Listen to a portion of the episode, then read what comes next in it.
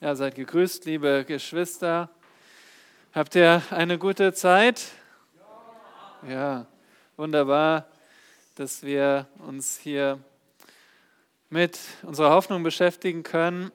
Und es ist schön, auch diese Gemeinschaft hier vor Ort auszudrücken.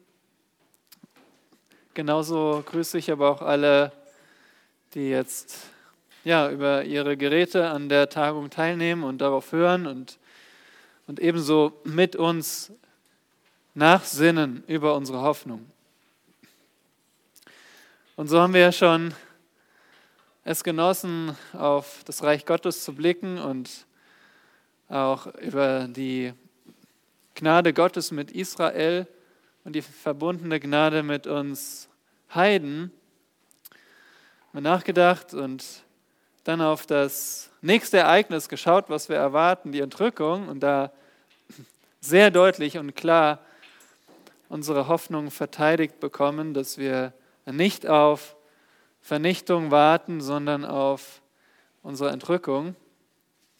Und so wollen wir jetzt fortfahren mit dem Thema Hoffnung und Himmel und uns die Frage stellen, was erwarten wir eigentlich als den Himmel? Und dazu wollen wir auf Gottes Wort hören, weil wir haben keine andere Weisheit und wir wollen nicht auf die Vorstellungen von Menschen hören, sondern auf das, was allein Gott uns zeigen und offenbaren kann. Und so möchte ich ihn noch um seine Hilfe bitten. Lieber Vater im Himmel, wir schauen auf zu dir. Du bist der barmherzige Gott. Du bist unser Vater, der uns allein retten konnte. Es gibt keinen Retter außer dir und es gibt auch keine Hoffnung außer dir. Du bist der Gott der Hoffnung. du bist unsere Hoffnung, denn wir sind geistlich arm vor dir. Wir haben nichts zu bringen, nichts, worauf wir uns verlassen könnten, was von dir, vor dir als gerecht zählen würde. Danke, dass du uns den Himmel verheißt, unabhängig von dem, was wir verdient haben, entgegen dem, was wir an Strafe verdient haben. Vater, bitte hilf uns zu erfassen, was wir hier in deinem Wort finden. Wie tief und reich deine Gnade, dass du uns verdammungswürdigen Menschen den Himmel verheißt, wenn wir das Heil in Christus haben.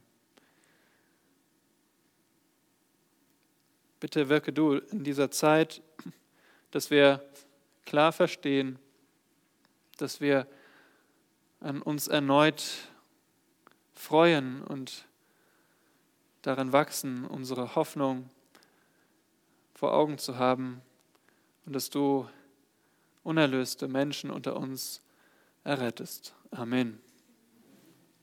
Florence Chadwick war eine bemerkenswerte Schwimmerin, aber nicht über 50 Meter Freistil oder 100 Meter Rücken oder 200 Meter Schmetterling. Nein, diese Frau schwamm Distanzen wie 37 Kilometer. 37 Kilometer von Frankreich nach England in 13,5 Stunden. Sie schwamm durch Wind, Wetter, Wellen, Algen und Quallenschwärme. Sie war die erste Frau, die beide Strecken, äh, also den Kanal von Frankreich nach England und zurück, schwamm. Und sie hielt verschiedenste Rekorde. Mit 34 Jahren versuchte sie am 4. Juli 1952 die 33,5 Kilometer von der kalifornischen Insel St. Catalina zur Küste zu schwimmen. Sie befand sich im eiskalten Pazifik bei dichtem Nebel. Sie war umgeben von Versorgungsbooten und diese Versorgungsboote sorgten dafür, dass, sie, dass die Haie aus ihrer Nähe vertrieben wurden. Nach 15 Stunden und 55 Minuten hatte sie nur noch 800 Meter zu schwimmen. Ihr Trainer und ihre Mutter spornten sie an. Weiter, noch ein bisschen. Doch Florence gab auf. Später sagte sie, Zitat, schauen Sie, ich suche keine Ausrede, doch wenn ich das Land nur gesehen hätte, ich bin sicher, ich hätte es geschafft. In dem Moment, als sie aufgab, sah sie nichts als Nebel. Und wie Florence, so geht es auch leider einigen von uns Christen.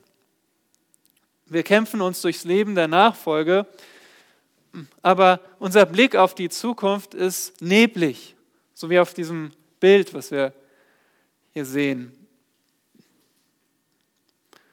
Man sieht vielleicht das, was direkt vor Augen ist, aber was in der Zukunft ist, was darüber hinaus liegt, das wissen wir nicht.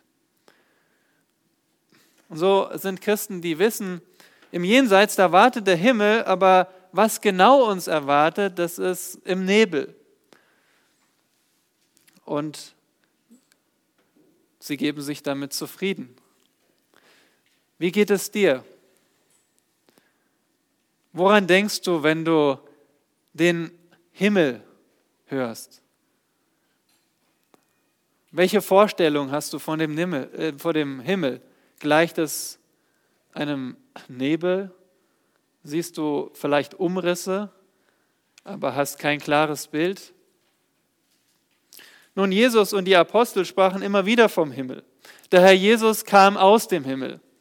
Er betete zum Vater im Himmel. Er verkündete das Reich der Himmel. Er empfahl, ihr braucht den Schatz im Himmel. Er versprach einen Lohn im Himmel. Der Apostel Paulus betonte die Hoffnung im Himmel. Er freute sich auf einen neuen Bau im Himmel und meinte damit seinen Auferstehungsleib. Und er schätzte sein Bürgerrecht im Himmel. Der Apostel Petrus eröffnet seinen Brief mit dem unvergänglichen Erbe, das wir im Himmel haben. Und er endet seinen zweiten Brief mit der Erwartung des neuen Himmels und der neuen Erde.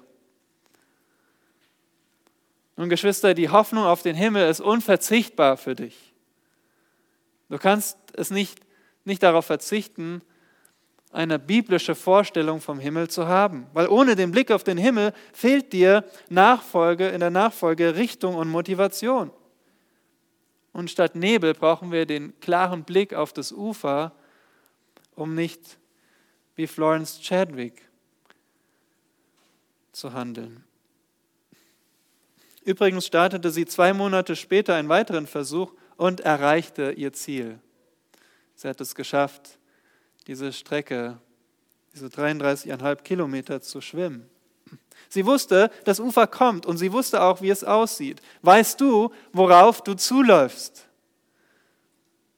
Nun, seit Jahrtausenden gibt es viele Irrtümer über den Himmel. Und ebenso lang besteht Gottes Offenbarung in der Bibel. Und Gott offenbart uns gewiss, gewisse Wahrheiten über den Himmel. Und so lasst uns diesen Nebel der Irrtümer teilen und, und die wahre Vorschau auf den Himmel betrachten. Aber zunächst beginnen wir mit einigen Irrtümern über den Himmel.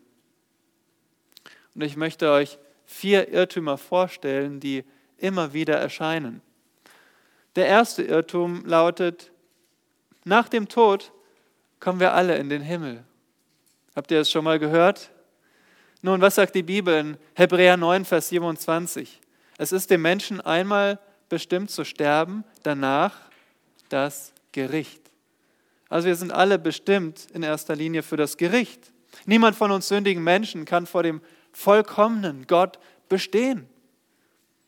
Nur der Sohn Gottes, der Mensch, der gleichzeitig Gott und Mensch war, er hat das Gesetz vollkommen gehalten.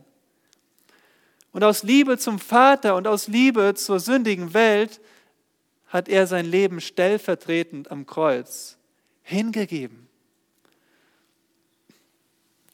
Er hat die Schuld seines Volkes bezahlt. Und er, der Herr Jesus Christus, stand von den Toten auf, weil er Gott selbst ist, weil er der Gerechte war und der Gerechte ist.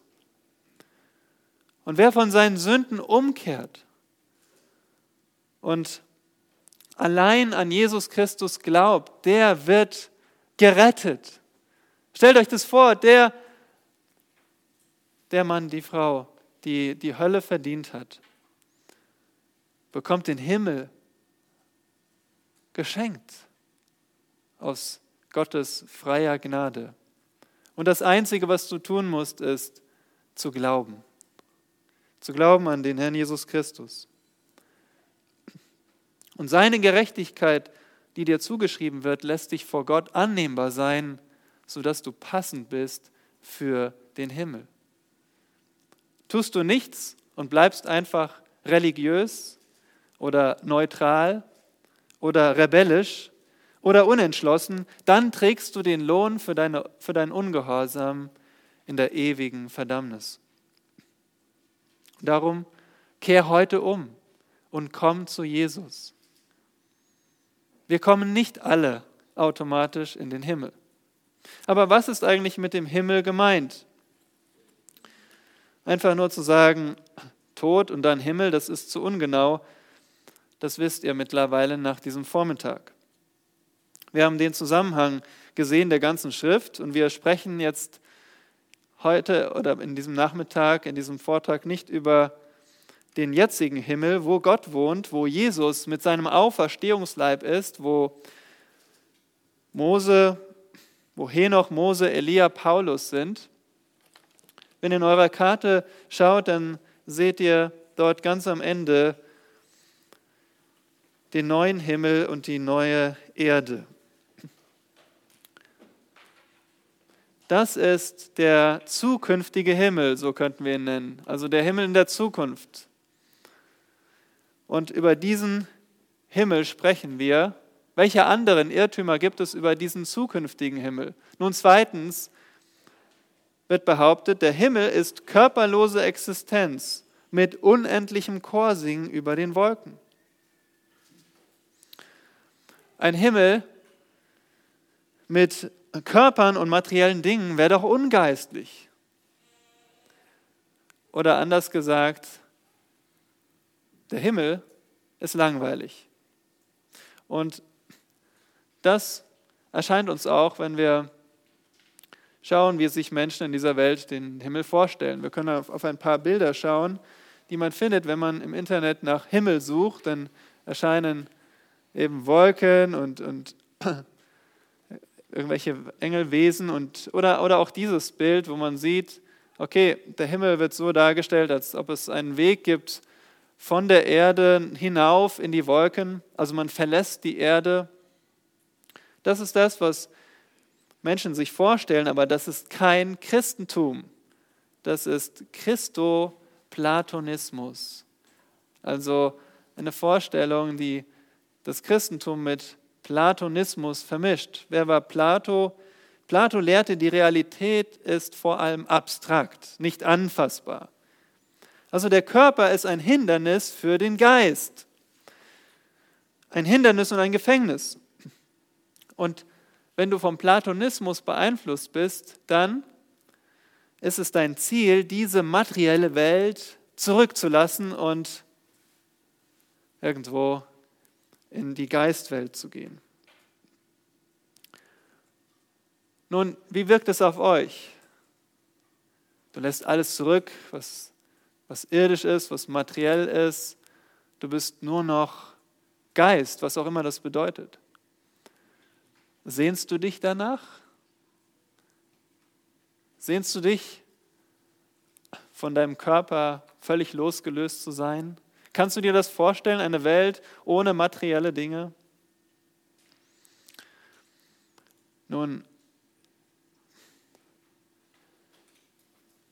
der Vorbereitung habe ich ähm, das Buch von Randy Alcorn gelesen und er hat 150 Bücher über den Himmel gelesen, bevor er sein Buch schrieb und hat ähm, viele Gespräche geführt und, und er, er schreibt in seinem Buch, dass er Christen getroffen hat, die gesagt haben, ich habe Angst vor dem Himmel. Ich will nicht dahin. Ich will nicht sterben. Ich will nicht losgelöst sein von meinem Körper. Ich liebe, ich liebe es doch, ähm, wenn wir, meine Familie, wenn ich oder wenn ich etwas essen kann oder was auch immer, was an der Welt schön ist. Und, und er sagt in seinem Buch, das ist, das ist nichts Geringes. Das ist das, was in Offenbarung 13, Vers 6 steht, wo es heißt,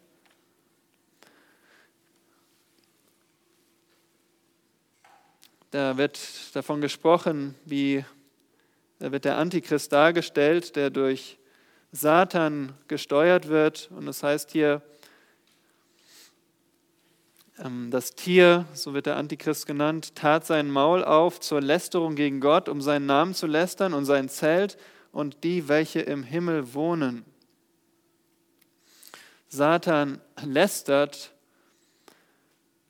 nicht nur die nicht nur die Christen, sondern auch, wo die Christen sein werden. Satan lästert über den Himmel.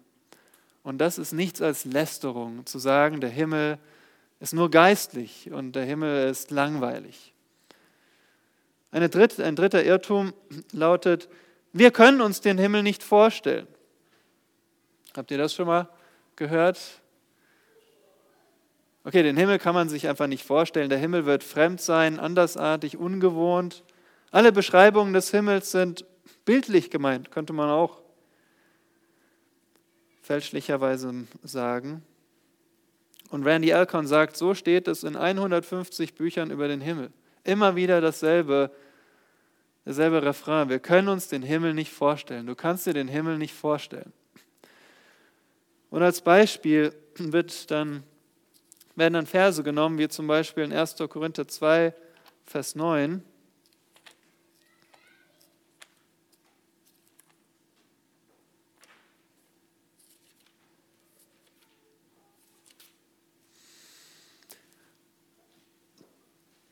wo es heißt,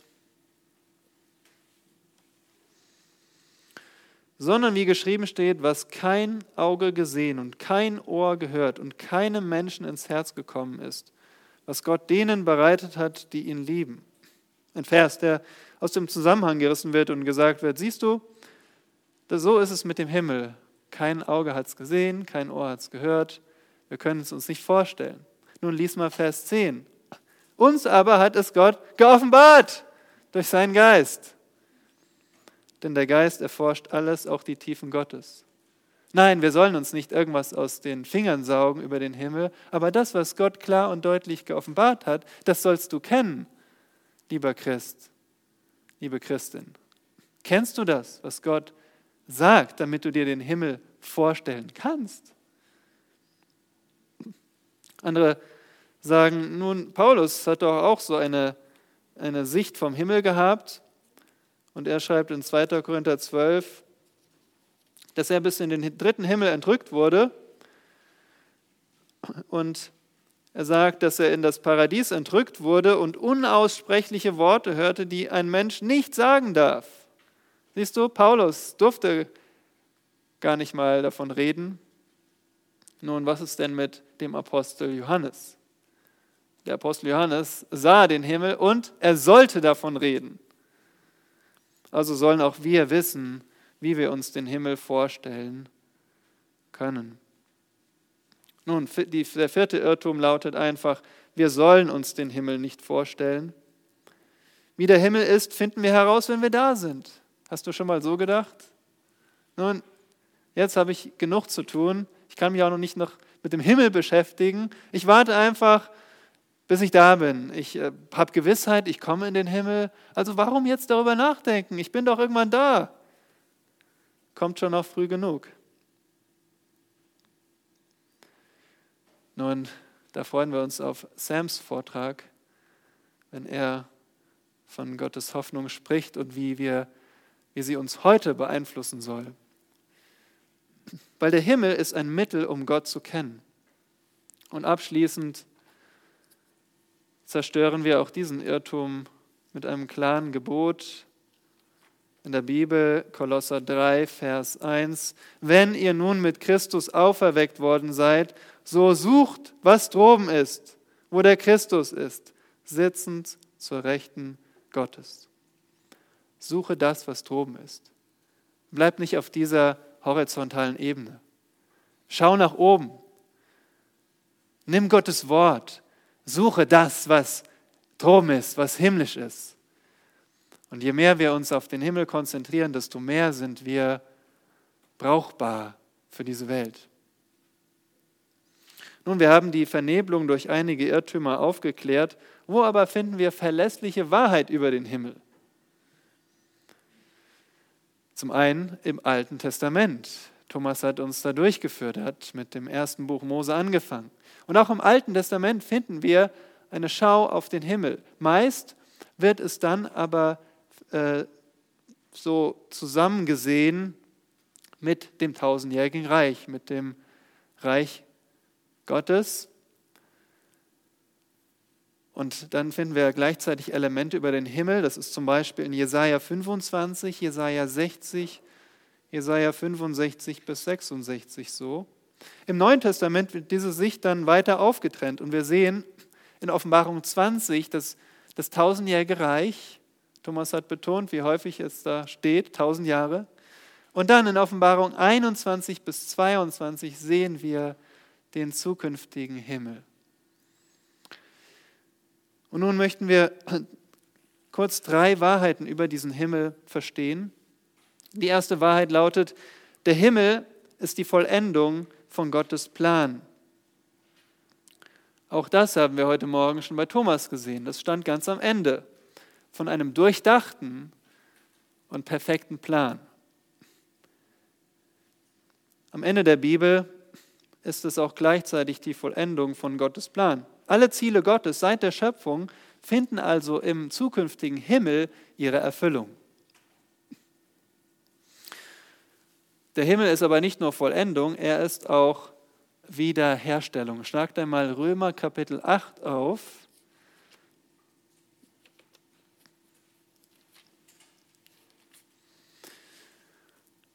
Römer Kapitel 8 ab Vers 18 lesen wir.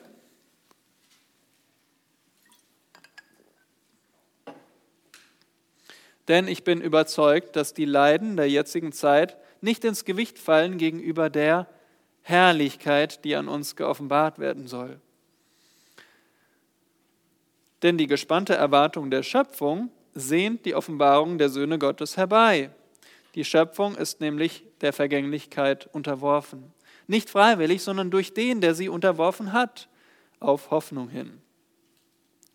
Dass auch die Schöpfung selbst befreit werden soll von der Knechtschaft der Sterblichkeit zur Freiheit der Herrlichkeit der Kinder Gottes.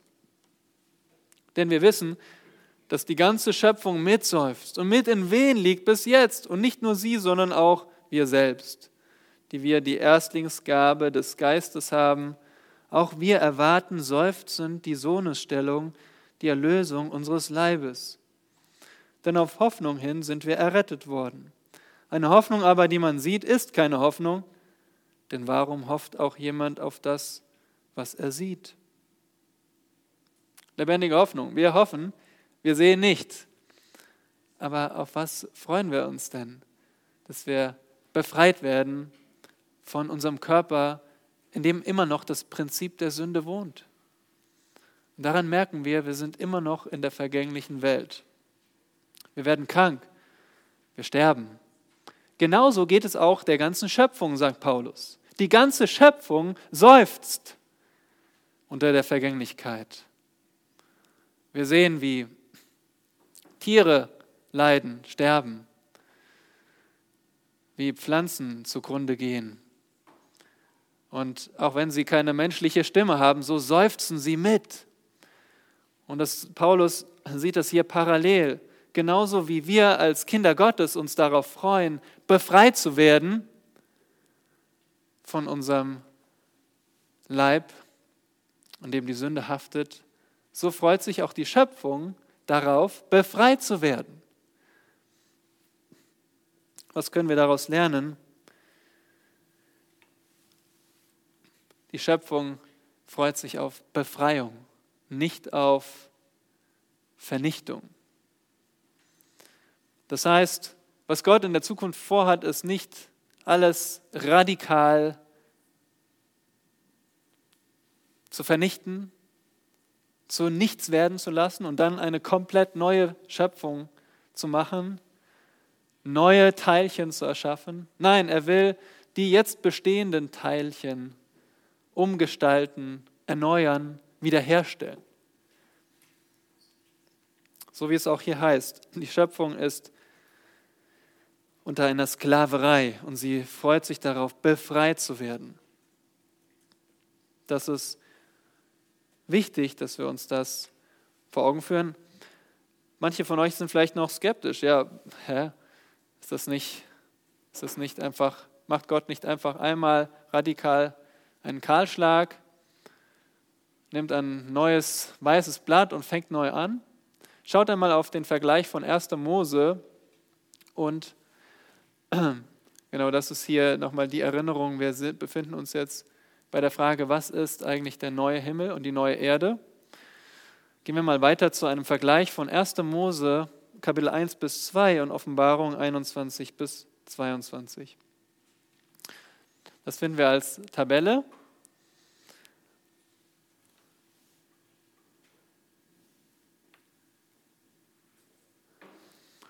Genau, danke schön.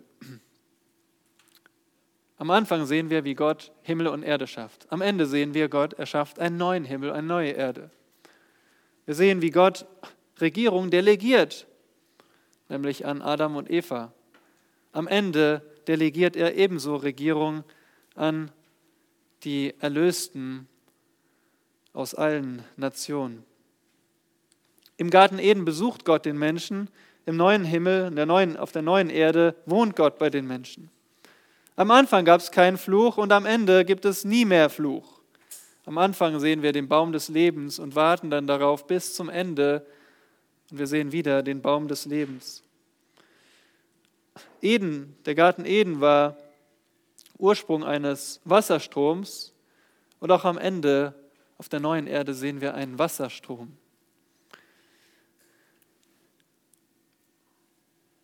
Zum Beginn war die Sünde unbekannt, am Ende ist die Sünde für immer verbannt.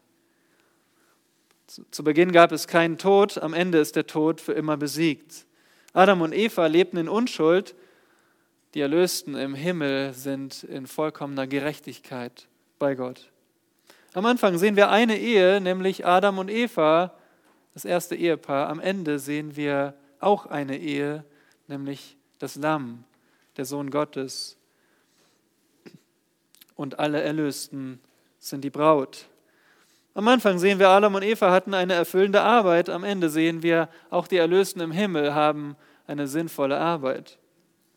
Am Anfang wird Gottes Herrlichkeit geoffenbart in der Schöpfung. Am Ende sehen wir, Gottes Herrlichkeit erfüllt den neuen Himmel und die neue Erde.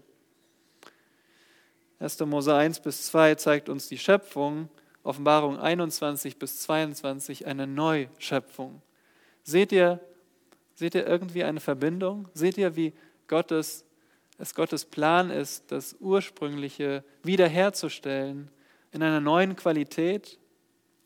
Das ist, was Gott tut. Und das ist, warum wir ihn lieben. Ich finde es immer wieder schön zu sehen, wenn man Dinge, die kaputt sind, wiederherstellen kann wenn man sie wieder nutzen kann.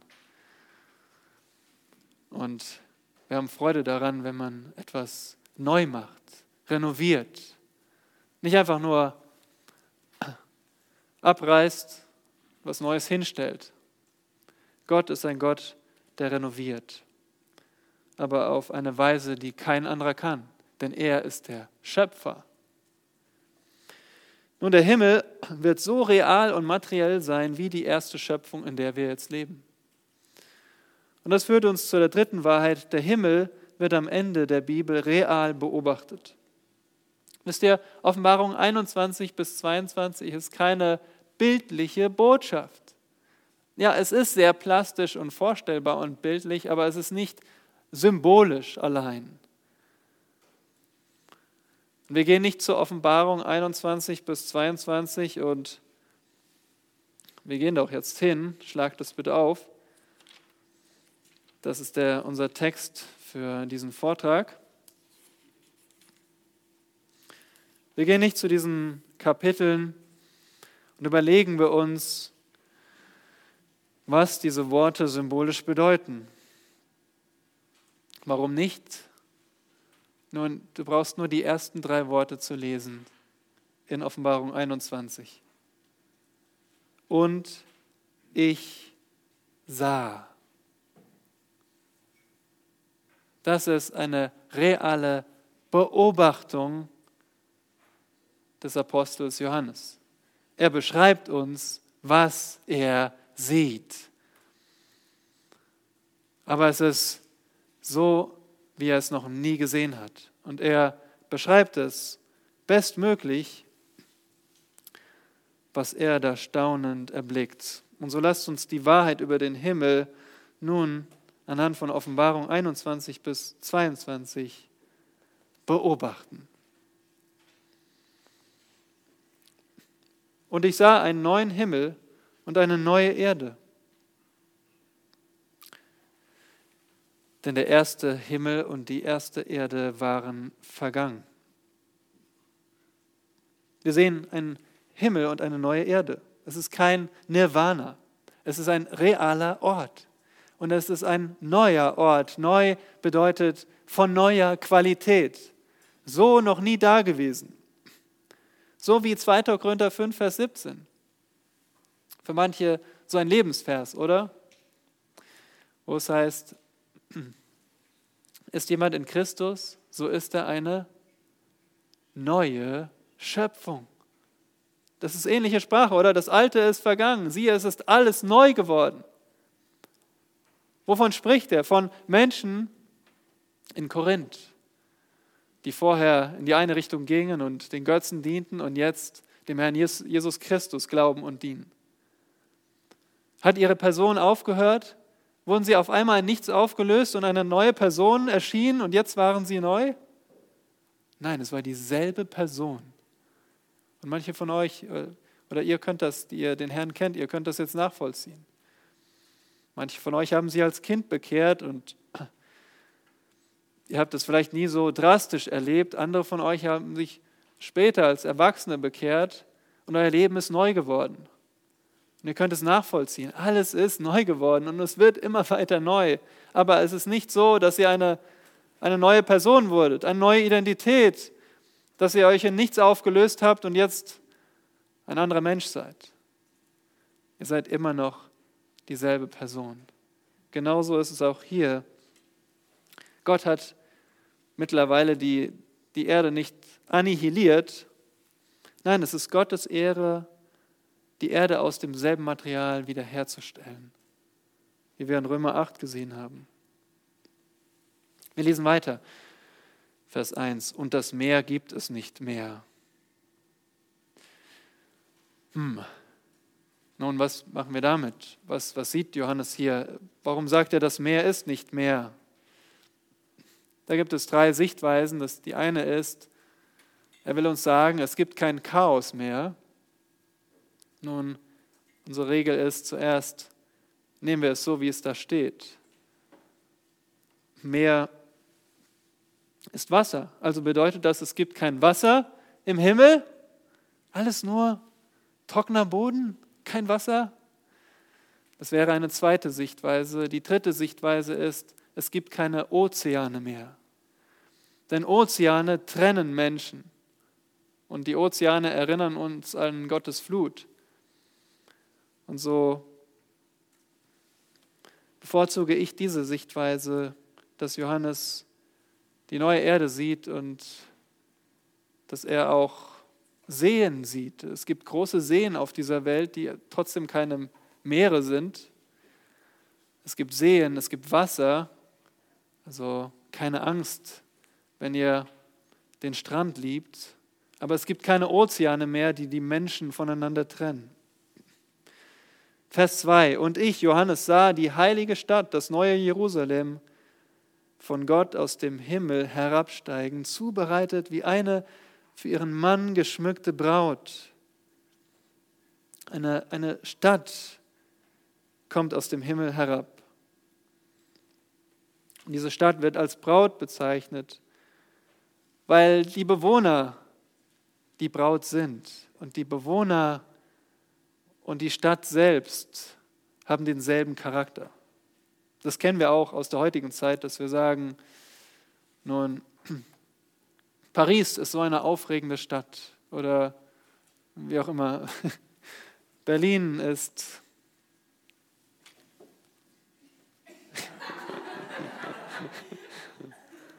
Was meinen wir damit? Wir meinen nicht äh, die Gebäude. Wir meinen nicht eine leblose Stadt. Wir meinen die Menschen, die die Stadt ausmachen und die den Charakter beschreiben. Und so ist es auch hier. Die Stadt ist die Braut, weil die Bewohner die Braut Christi sind. Und sie kommt aus dem Himmel herab. Vers 3. Und ich hörte eine laute Stimme aus dem Himmel sagen, siehe das Zelt Gottes bei den Menschen. Und er wird bei ihnen wohnen und sie werden seine Völker sein und Gott selbst wird bei ihnen sein, ihr Gott. Der Höhepunkt des Planes Gottes ist, wenn Himmel und Erde eins werden. Gott besucht nicht nur den Menschen, Gott wohnt auf der Erde. Gottes Wohnung und unser Zuhause werden durch Christus eins gemacht. Und wir werden was sein? Seine Völker. Ja, ihr habt richtig gelesen, es sind Völker in der Mehrzahl. Also es wird weiterhin verschiedene Völker geben und alle werden Gott gehören. Vers 4. Und Gott wird abwischen alle Tränen von ihren Augen und der Tod wird nicht mehr sein, weder Leid noch Geschrei noch Schmerz wird mehr sein, denn das Erste ist vergangen. Gott nimmt den Kummer der alten Schöpfung weg. Es wird ewig keine Sünde mehr geben. Es wird keinen Tod mehr geben, denn wir werden auferstanden sein, so wie Jesus, körperlich auferstanden. Wir werden also sein wie Jesus und damit sehen wir schon, wir werden einen Körper haben, der genauso wie Jesus gegessen hat, essen kann, essen und trinken kann. Genauso Emotionen hat. Es wird kein, kein, äh, wie heißt es hier, kein Geschrei, kein Schmerz mehr sein. Was ist das Gegenteil von Geschrei und Schmerz? Freude und Feiern. Es wird Feiern geben. Wir werden im Himmel feiern und uns freuen und voller Emotionen sein. Vers 5. Und der auf dem Thron saß, sprach, siehe, ich mache alles neu. Und er sprach zu mir, schreibe, denn diese Worte sind wahrhaftig und gewiss. Darauf können wir uns verlassen.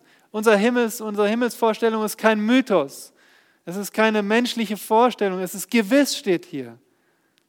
Und du kannst dir sicher sein, dass du über den zukünftigen Himmel absolute Gewissheit haben kannst weil es hier steht. Aber wie kommt man in den Himmel? Vers 6. Und er sprach zu mir, es ist geschehen. Ich bin das Alpha und das Omega, der Anfang und das Ende. Ich will dem Dürstenden geben aus dem Quell des Wassers des Lebens umsonst. Wie wunderbar. Hier die Erinnerung. Niemand wird in den Himmel kommen, weil er es verdient hat. Niemand wird in den Himmel kommen, weil er sich es erarbeitet hat. Wir alle werden dort sein, weil wir es umsonst geschenkt bekommen. Aber wie können wir dieses Geschenk bekommen? Vers 7. Wer überwindet? Wer überwindet, der wird alles erben. Überwinden spricht von dem persönlichen Glauben. Der Glaube überwindet. Und wenn du keinen Glauben hast, dann wirst du dieses Geschenk umsonst nicht empfangen. Du musst deine Armut im Geist erkennen und glückselig sind die Armen im Geist, denn ihrer ist das Reich der Himmel. Wer überwindet, der wird alles erben.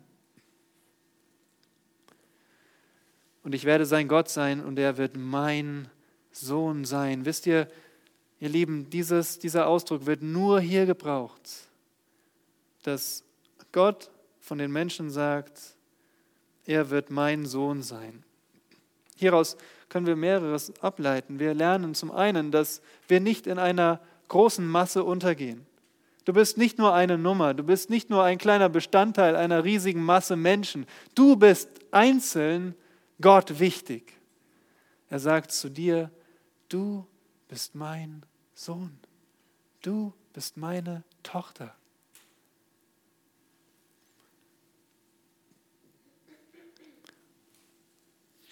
Und wir sehen auch außerdem, dass unsere Person fortbesteht, weil wir erben. Wer kann erben?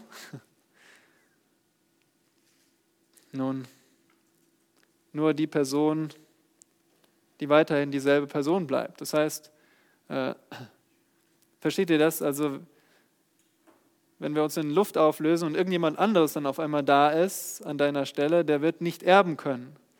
Nein, dieselbe Person erbt den Himmel. In anderen Worten, du wirst auch, du wirst dieselbe Person sein. Du wirst weiterhin eine Frau sein. Du wirst weiterhin ein Mann sein im Himmel. Das ist unsere, was unsere Person ausmacht. Und vieles andere, was uns ausmacht, nicht nur unser Geschlecht. Vers 8. Die Feiglinge aber und die Ungläubigen und mit Gräueln befleckten und Mörder und Unzüchtigen und Zauberer und Götzendiener und alle Lügner Ihr Teil wird in dem See sein, der von Feuer und Schwefel brennt. Das ist der zweite Tod. Dies ist die traurige Erinnerung daran, dass nicht alle in den Himmel kommen, sondern nur wer im einfachen Glauben von seiner Sünde umkehrt. Aber wer sich auf die Seite des Tieres stellt, des Antichristen und ihn anbetet, der wird sein Ziel in der Hölle haben.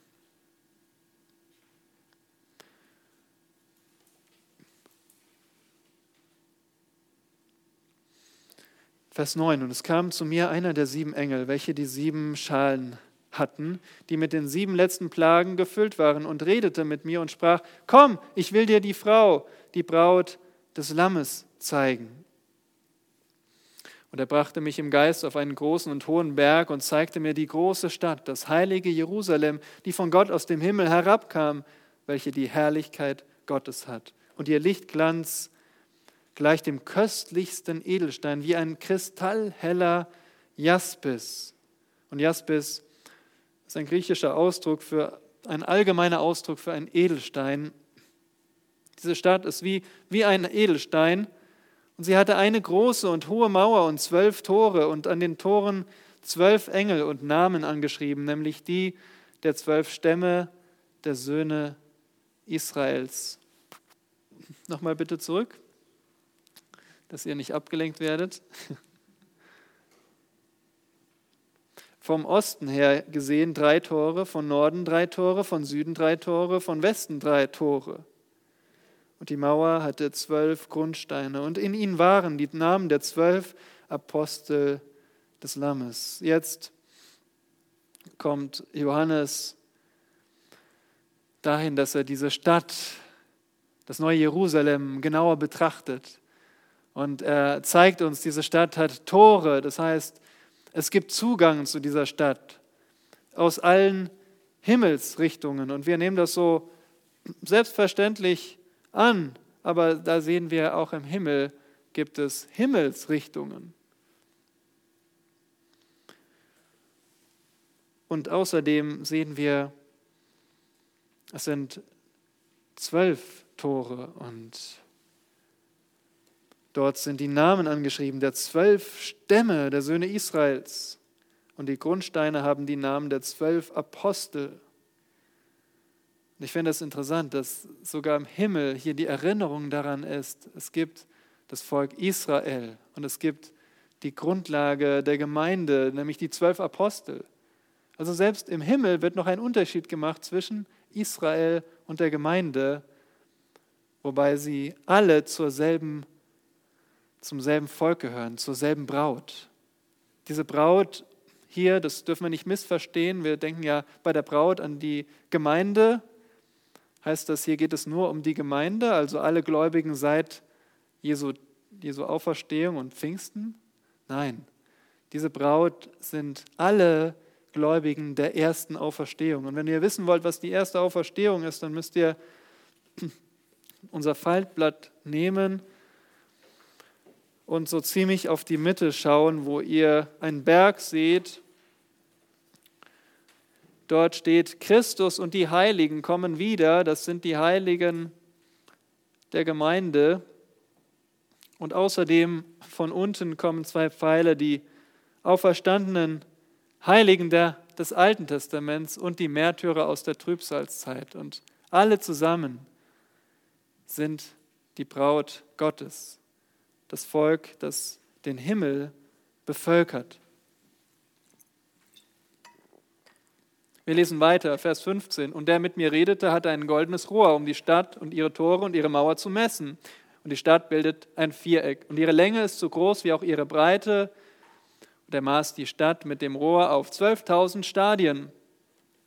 Die Länge und die Breite und die Höhe derselben sind gleich. Und könnt ihr es euch vorstellen? Naja, vielleicht auch nur bedingt. Auf jeden Fall, die Grundfläche ist viereckig. Und wir gehen davon aus, dass das genauso auch für die Höhe gilt. Es gibt verschiedene Möglichkeiten. Es könnte zum Beispiel eine flache Stadt sein. Es könnte eine Pyramide sein mit einem viereckigen, ähm, viereckigen Grundfläche. Oder es könnte wie ich denke, ein Würfel sein. Denn wo haben wir schon mal einen Würfel gesehen? Im Alten Testament. Was hat eine Würfelform im Alten Testament? Ja, das Allerheiligste. Das heißt, das neue Jerusalem ist, hat deswegen auch keinen Tempel, weil die ganze Stadt ist das Allerheiligste. Sie ist nirgendwo heiliger als woanders. Sie ist das Allerheiligste, aber sie hat ziemlich beeindruckende Dimensionen. Sie ist nämlich umgerechnet 2400 Kilometer breit und 2400 Kilometer lang und hoch. Das bedeutet, das ist die Fläche von 6400 Berlins. 6400.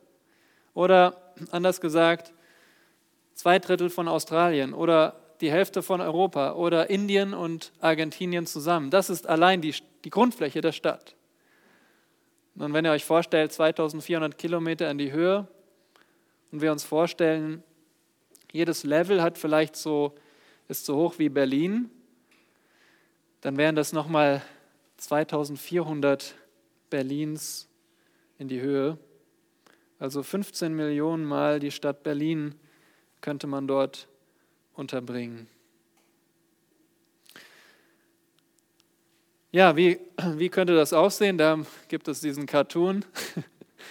Wenn man das mal auf die Welt projiziert, ähm, überragt die Stadt also ganz leicht die ISS. Man hat also gleich auch einen Blick in den Weltraum. Nun, das ist natürlich ein Cartoon, weil wir nicht wissen, wie, äh, wie genau die Erde drunter, darunter aussieht, aber Deswegen sieht es ein bisschen gewöhnungsbedürftig aus, aber das sind die Dimensionen dieser Stadt. Nur um das euch deutlich zu machen. Wir lesen in Vers 17, und er maß die, ihre Mauer 144 Ellen nach dem Maß eines Menschen, das der Engel hat. Das ist wahrscheinlich nicht die Höhe der Mauer, das wäre ein bisschen mickrig, sondern die Dicke, nämlich 70 Meter. So breit wie ein Fußballfeld. Und der Baustoff ihrer Mauer war Jaspis und die Stadt war aus reinem Gold, wie reines Glas. Und ihr fragt euch, Gold ist doch nicht durchsichtig. Nun, das ist ein neues Gold. Das ist, übersteigt diese Erde. Es ist gleichzeitig Gold, aber es ist durchsichtig. Und die Grundsteine der Stadtmauer waren mit allerlei Edelsteinen geschmückt. Der erste Grundstein ein Jaspis, der zweite ein Saphir, der dritte ein Chalcedon, der vierte ein Smaragd der fünfte ein Sardonyx, der sechste ein Sardes, der siebte ein Chrysolith, der achte ein Beryll, der neunte ein Topas, der zehnte ein Chrysopras, der elfte ein Hyazinth, der zwölfte ein Amethyst. Und könnt ihr es euch vorstellen? Nun, Diese Edelsteine haben die Regenbogenfarben. Man weiß es nicht ganz genau, welcher Stein hat jetzt welche Farbe, aber wenn man sich mal anschaut, was Gelehrte dazu sagen, findet man also verschiedenste Farben. Also es strahlt in allen Farben, die wir kennen. Und die zwölf Tore waren zwölf Perlen. Jedes der Tore aus einer Perle. Die Straßen der Stadt waren aus reinem Gold, wie durchsichtiges Glas. Ein Komplex an Straßen, wenn wir uns die Größe vorstellen. Und einen Tempel sah ich nicht in ihr, denn der Herr Gott, der Allmächtige, ist ihr Tempel und das Lamm. Sie ist überall gleich heilig und die Stadt bedarf nicht der Sonne noch des Mondes, dass sie in ihr scheinen. Denn die Herrlichkeit Gottes erleuchtet sie und ihre Leuchte ist das Lamm. Und die Heidenvölker, die gerettet werden, werden in ihrem Licht wandeln. Und die Könige der Erde werden ihre Herrlichkeit und Ehre in sie bringen. Das macht mich wirklich sprachlos, aber auch ein bisschen stimmlos. Hat jemand vielleicht einen Schluck Wasser? Das wäre gut. wäre ich dankbar für.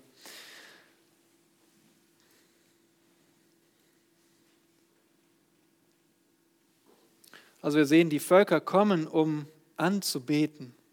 Und wen? Das Lamm und den Herrn, Gott, der Allmächtige.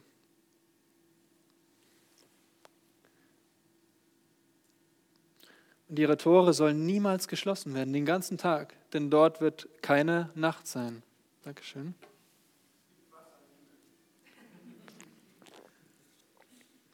Ja, preis den Herrn.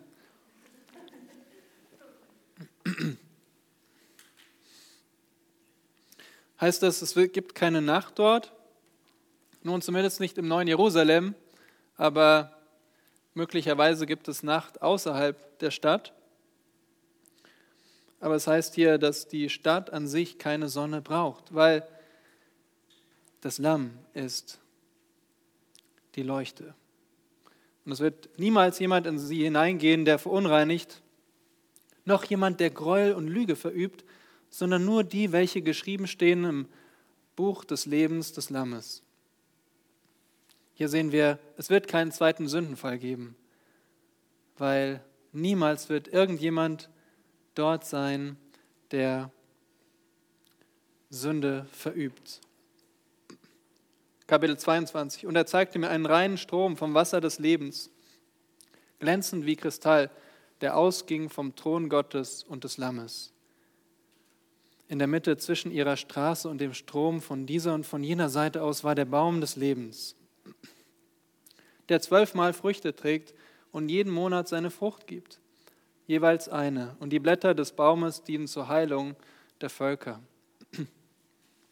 Also der Baum des Lebens ist auf jeder Seite der Straße. Wie geht das? Und manche vermuten, dass wir hier eine Baumallee von Bäumen des Lebens haben. Also nicht nur einen, sondern viele Bäume des Lebens, die wie eine Allee dort stehen und Früchte bringen, nämlich jeden Monat. Was können wir daraus erkennen? Im Himmel gibt es Zeit. Es ist keine zeitlose Existenz, sondern es gibt Zeit. Es gibt vielleicht auch Jahreszeiten, so wie wir sie kennen. Und die Frucht gibt Heilung. Heißt das, dass es Krankheit gibt? Nein, das Wort bedeutet Gesundheit. Also Gott selbst erhält unsere Gesundheit durch den Baum des Lebens. Und es wird keinen Fluch mehr geben und der Thron Gottes und des Lammes wird in ihr sein und seine Knechte werden ihm dienen. Das wird unsere Arbeit sein, dem Herrn zu dienen in Ewigkeit.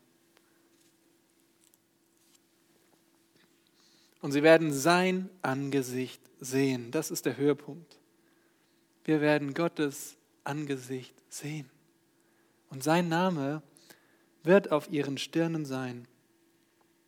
Und jetzt, ihr Lieben, kommt der letzte Vers vor dem Schluss des Buches. Und es wird dort keine Nacht mehr geben und sie bedürfen nicht eines Leuchters noch des Lichtes der Sonne, denn Gott, der Herr, erleuchtet sie und sie werden herrschen von Ewigkeit zu Ewigkeit. Gottes Plan ist erfüllt und die Menschen werden in Ewigkeit mit ihm herrschen. Und es gibt keinen Sündenfall mehr. Nun, das war nur ein, ein Schnelldurchlauf. Ich ermutige euch, lest zu Hause diese Kapitel. Lest sie nicht nur einmal, sondern lest sie vielleicht regelmäßig mit eurer Familie. Lest euren Kindern vor und zeigt ihnen, das ist, worauf ich hoffe. Das ist die Lösung für diese Erde. Eine neue Erde, einen neuen Himmel, wo Gott bei den Menschen wohnt. Wie häufig lesen wir diese Kapitel, denn sie sind für uns die klare Beobachtung dessen, was der Himmel ist. Sie sind so deutlich und, und für uns vorstellbar, sodass wir unsere Hoffnung klar vor Augen haben und nicht im Nebel laufen. Und dafür danken wir dem Herrn, denn nur ihm verdanken wir den Himmel. Und so möchte ich ihm noch stellvertretend für uns alle danken und dann dürft ihr noch Fragen stellen.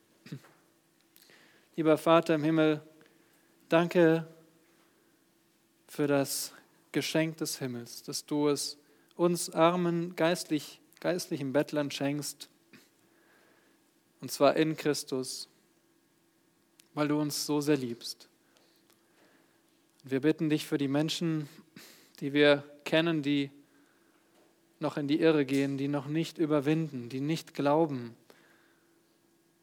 die noch auf die Verdammnis zulaufen. Wir bitten dich, hab Erbarmen mit dir, mit ihnen, dass sie sich versöhnen mit dir und hilf uns, Botschafter der Versöhnung zu sein, solange es noch Tag ist. Amen.